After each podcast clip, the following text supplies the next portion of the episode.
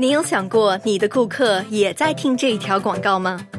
如果可以的话，您想如何把你的公司推荐给他们？SBS 是澳大利亚最值得信赖的多语广播电台，我们提供广告套餐给各种规模的公司。我们经验丰富的广告销售人员会一路指导您如何让自己的广告脱颖而出。您可以使用自己的广告，或者请我们的制作部为您制作出任何一种语言的广告。您还在等什么？今天就把您的生意推荐给更多新的客户吧。详情请咨询广告部，邮箱是 sales at sbs dot com dot au。您正在收听的是 SBS 中文普通话节目。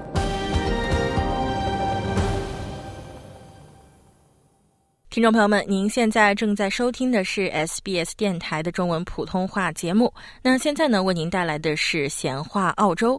在前几期的节目之中呢，我们是和大家盘点了那些别具澳式风情的糕点。那可能很多的听众朋友们会觉得，这些糕点实在是不太适合华人的口味，因为实在是太甜了。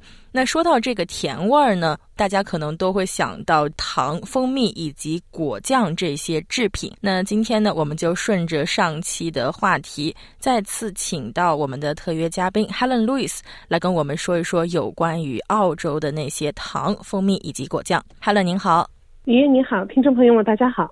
嗯哈喽啊，那我们上次也是说到澳洲的很多糕点都是非常的甜，不是很适合华人的口味。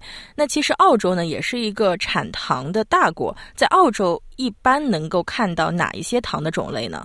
对，澳洲的确是一个产糖的大国，因为去过昆士兰，就是尤其是北昆州的，大家可以都看到一片一片的甘蔗地。因为澳洲呢，其实我觉得糖的种类呢，可能它的粗细程度啊，它的成分呢，有可能有所不同。那么从糖的角度来讲呢，大家在超市里看到最常见的那就是白糖了。首先呢，我们要说一下，因为大家都知道糖的英文是 sugar。呃，但是呢，我其实还是偶尔有碰到，就是呃，有人说哦，Do you want some sugar？其实他们想说的就是你需不需要吃一些糖果啊？呃，这个呢，糖果呢，在澳洲呃其实是称为 lolly，所以你如果刚刚来澳洲不久，最后给当地的朋友问他要不要吃一些糖果的话，应该问他 Do you want some？Want to have some lolly？呃，当然了，还有就是。呃，如果是大家学美国英语长大的话，那在美国呢，糖果呢就是 candy，这也是一个从英语上来讲各国的语言的不同之处吧。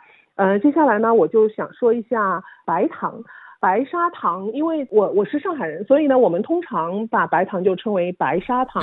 但是我妈妈觉得澳洲的白糖呢没有国内的甜，但是呢，我觉得就是我觉得还行吧，我没有吃出特别的感觉。但是我觉得国内的白糖绝对没有澳洲的白糖那么细。呃，雨月你觉得呢？嗯，说到这个甜度方面嘛，我其实感觉跟 Helen 的妈妈感觉差不多。我也是觉得澳洲的白砂糖并没有感觉像中国国内那么甜的感觉，但是从那个细腻程度上来说，确实的确要比中国的白糖要稍微的细腻一些。对，随后呢，接下来在澳洲呢有一个更加细腻的糖，那个呢叫 cast sugar，这个呢我觉得就是应该是我们国内说的绵白糖吧。但是呢，我又觉得它比国内的绵白糖呢又更粗了一点，所以呢，各国的糖的那个制品呢，真的是有那些细微的不同。虽然说吃进去都是那个甜味儿，呃，cast sugar 呢通常是用来做甜品的，因为它的融化非常快，尤其跟黄油或者蛋一起打发的时候，通常的那个 sugar 呢是没有办法用，因为它很难能够尽快的融化。比 cast sugar 就是绵白糖还要细腻的呢，那就是 icing sugar。呃爱心 sugar 呢，应该就是我们说的糖粉吧。它主要呢也是用作甜品的，比如说蛋糕上面的糖衣就叫 icing，这呢就是用 icing sugar 来做出来的。如果说大家想尝试一下澳洲的一些甜点的配方，随后呢去超市去买 icing sugar，它如果配方说需要 icing sugar 就糖粉的话，去超市买呢，请大家务必注意一下，因为在超市它其实呢那个。糖粉有两种，一种呢叫 pure icing sugar，另一种呢叫 icing mixture。pure icing sugar 就是纯糖粉了，那它当然就是除了糖，其他什么都没有。但是 icing mixture 呢，就是糖粉混合物，它里面呢是掺了玉米淀粉的，目的呢是主要是防止糖粉结块儿，因为它非常的细腻，所以呢有一点受潮的话就很容易结块。糖粉混合物呢，主要是用来做蛋糕上的糖衣的时候用。但是如果说配方是说要 icing sugar 而不是 icing mixture 的话，那大家买的时候不要搞错，因为甜点的配方，在我个人认为，就是烘焙的时候用的配方呢，我个人认为是精准的程度是最高的。所以呢，一定要确保所有的原材料呢都是按照它的来配。嗯，所以如果是想尝试烘焙或者是喜欢烘焙的听众朋友们，在遇到需要使用这种 icing sugar 的时候，在超市买糖的时候，也是要多多关注一下包装上所写的一些文字。那我觉得作为华人啊，特别是女性，平时经常会接触到的一种糖，应该就是红糖了。那澳洲是不是也有红糖之说呢？呃，澳洲其实它的红糖呢，其实我觉得是有两种，怎么说呢？又是呃，刚才我们提到过，呃，那个糖的细腻程度。嗯。其实呢，我觉得红糖呢也是一样，因为澳洲呢，它的红糖就是一个呢是 brown sugar，就是褐色的糖，呃，还有一种呢就是 dark brown sugar，就是。颜色更深的褐色的糖，棕褐色的糖吗？对，棕褐色。所以呢，我觉得就是国内的红糖其实是介于这边的 brown sugar 跟 dark brown sugar 之间。红糖里面呢，它就是里面含有 molasses，就是一个糖蜜，所以呢，就是给了它这个颜色。就如果说到红糖的话，大家可能是在做烘焙的时候。它的配方里面可能也会要你去要加红糖，一般呢，它会说明是 brown sugar 还是 dark brown sugar。但是呢，如果大家对对英文配方的描述不是特别熟悉的话呢，我这里跟大家提一点，就是如果说在烘焙的时候需要 brown sugar 的话呢，通常它会说是 loosely packed 或者 firmly packed。就是因为红糖呢，大多数呢是为绵糖的状态，就是 cast sugar 那种状态。但是呢，因为它的可能含水量比较高一点嘛，它就流动性呢没有绵白糖那么好，没有 cast sugar 那么好。所以呢，从烘焙配方的角度来讲呢，它通常会告诉你，因为大家如果说试过澳洲的配方的话，应该知道它会说一杯。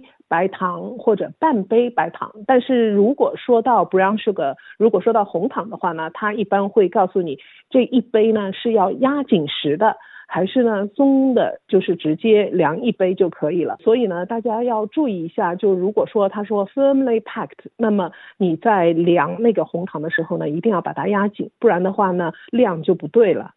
嗯，感觉今天又是学到了新的知识啊！我也是从 Helen 这边学到了好多知识。那除此之外呢，我们如果是平时特别喜欢喝咖啡的听众朋友们，可能经常会在咖啡馆的配料台上面看到一种糖，叫做 raw sugar。它一般是会跟一种普通的 sugar 放在一起，但是有些人会比较喜欢偏向于使用这种稍微大力一点的糖。那 Helen，您觉得呢？我我有朋友是经常是用 raw sugar，因为很多人呢都觉得 raw sugar 就是升糖嘛，就是升升的糖，不是我们说的那个糖尿病有关的升糖指数那个升糖。对，那那就是我们就说说它是升的糖吧，因为从总体来讲呢，就是升的糖 raw sugar 跟 brown sugar 呢，它里面都有 molasses，就是糖蜜，它是一个天然的糖蜜，是糖的天然成分嘛。但是呢，如果在做白糖的时候呢，会把糖蜜去掉，就是对它进行脱色。所以呢，白糖呢就是白色的，但是糖本身呢结晶之后呢，其实就是那种淡淡的褐色。所以说呢，一般人就是觉得就是少了一步工序，总是一件好事，因为我们希望不要吃加工程序太多的食品，呃，因为。通常来讲，呃，加工食品都没有自然的食品健康，但是糖还是少吃为妙。呃，我本人呢，就是之前根本就没有办法想象，就是喝咖啡不加糖，尤其是在国内的话，大家都觉得，哎，咖啡那么苦，一定要加糖，把那个苦味给中和掉。但是呢，慢慢的、慢慢的，我就把那个糖减掉了。现在呢，就是我如果喝咖啡的话，有一点点糖，我就觉得特别的不好喝。所以呢，觉得这个还是口味吧，口味是可以改变的。但是说到这儿呢，就想说一个呃，怎么说呢，趣味的小知识吧。嗯。呃，因为我经常去意大利，意大利呢，大家都知道是 espresso，就是意式咖啡的起源之地。当然，没错，故乡。对对，而且他们都是非常非常稠的。随后呢，你看那个意大利人呢，就是每天就是不停的在喝咖啡。随后呢，他有一个。非常小杯的呃浓缩咖啡，就是直接萃取之后呢，就一饮而尽，随后就去上班了，就是给他们一天的动力。呃，随后一天呢，就是他还是会不断的喝咖啡。可能大家都觉得，哎，这个那么苦的咖啡，而且因为他们都不加奶，那么苦的咖啡怎么能喝得下呢？其实告诉大家一个小秘密，意大利人喝咖啡，很多人一半以上我碰到的意大利人其实是加糖的，而且呢加糖。加的非常多，所以呢，就是呃一勺两勺都不在话下。大家可以想象，就一勺两勺在那么小的 espresso 杯子里面，呃，所以呢，就是嗯，意大利人还是挺喜欢用甜味去中和那个苦味。嗯，说到这个，其实我也想到了，就是一个类似的场景啊，因为在星巴克嘛，在 Starbucks，它会有很多种糖浆的选择。那这个其实就是另外一个关于果糖的话题了。我也会看到有很多的人选择会去加好多泵的不同口味的这种液体的糖浆啊，也是可以去中和咖啡的苦味。但是我自己没有去尝试过，不知道听众朋友中有没有也是喜欢加各种不同口味的糖。浆在自己的咖啡中呢。那既然我们刚刚说到了这个液体糖啊，那 Helen 在澳洲是不是也有液体糖呢？对，澳洲呢也有液体糖。呃，一般来讲呢，就是一个呢叫 molasses，就是刚才我们说的糖蜜，还有一个呢叫 treacle，其实也是糖蜜的呃意思。它呢其实是在榨糖的时候呢产生的一个副产品，就是其实它它是那个糖本身的。呃，一个产品就是刚才我们提到过，在白糖呃制作白糖的时候，会把糖蜜脱出来，这样的话白糖就是白色的。呃，但是糖蜜呢，它里面含有丰富的矿物质，所以呢，对身体健康是有益的。因为呃，我觉得作为华人吧，尤其是女孩子，都觉得就是红糖对我们身体有好处。呃，其实呢，我觉得可能就是跟那个糖蜜有关。刚才我们说的那个 brown sugar 跟 dark brown sugar，呃，其实呢，它的颜色就是糖蜜的含量多少造成的颜色的不同。嗯，我的公公呢，我一直注意到他有时候早上起来，他呢就是用热水化一勺糖蜜来喝，呃，他觉得对他的身体很好。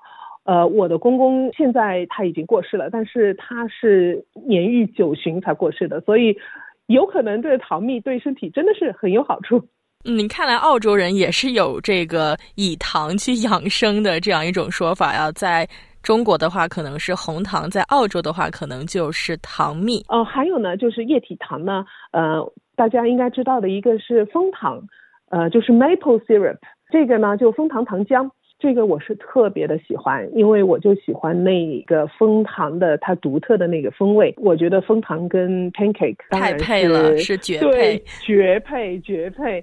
呃，但是呢，在澳洲呢，它还有一个叫 golden syrup，叫金色糖浆，它其实就是一般的糖浆，或者呢，它可以用来代替枫糖，或者呢，代替蜂蜜，因为它是非常粘稠的一个糖浆。但是呢，我个人不太用那个 golden syrup，除非有一个配方特别需要用 golden syrup，我觉得。呃，要不就用枫糖，要不呢就用蜂蜜，没有必要去用那个金色糖浆。那除此之外啊，我们知道现在有非常多的糖尿病的患者，再加上有很多其他的科学的宣传，都是说让大家去少吃糖。在澳洲其实也有很多的代糖的产品，那哈伦可以给我们来简单的介绍一下吗？我觉得其实最早的时候呢，是我婆婆，可能是因为英国人的后裔，因为大家知道英国人就是茶，就是英式。呃，茶是对他们来讲是非常重要的。没错，我的记忆中呢，就是我的婆婆从不喝水，如果她觉得口干舌燥，她就来一杯英式茶。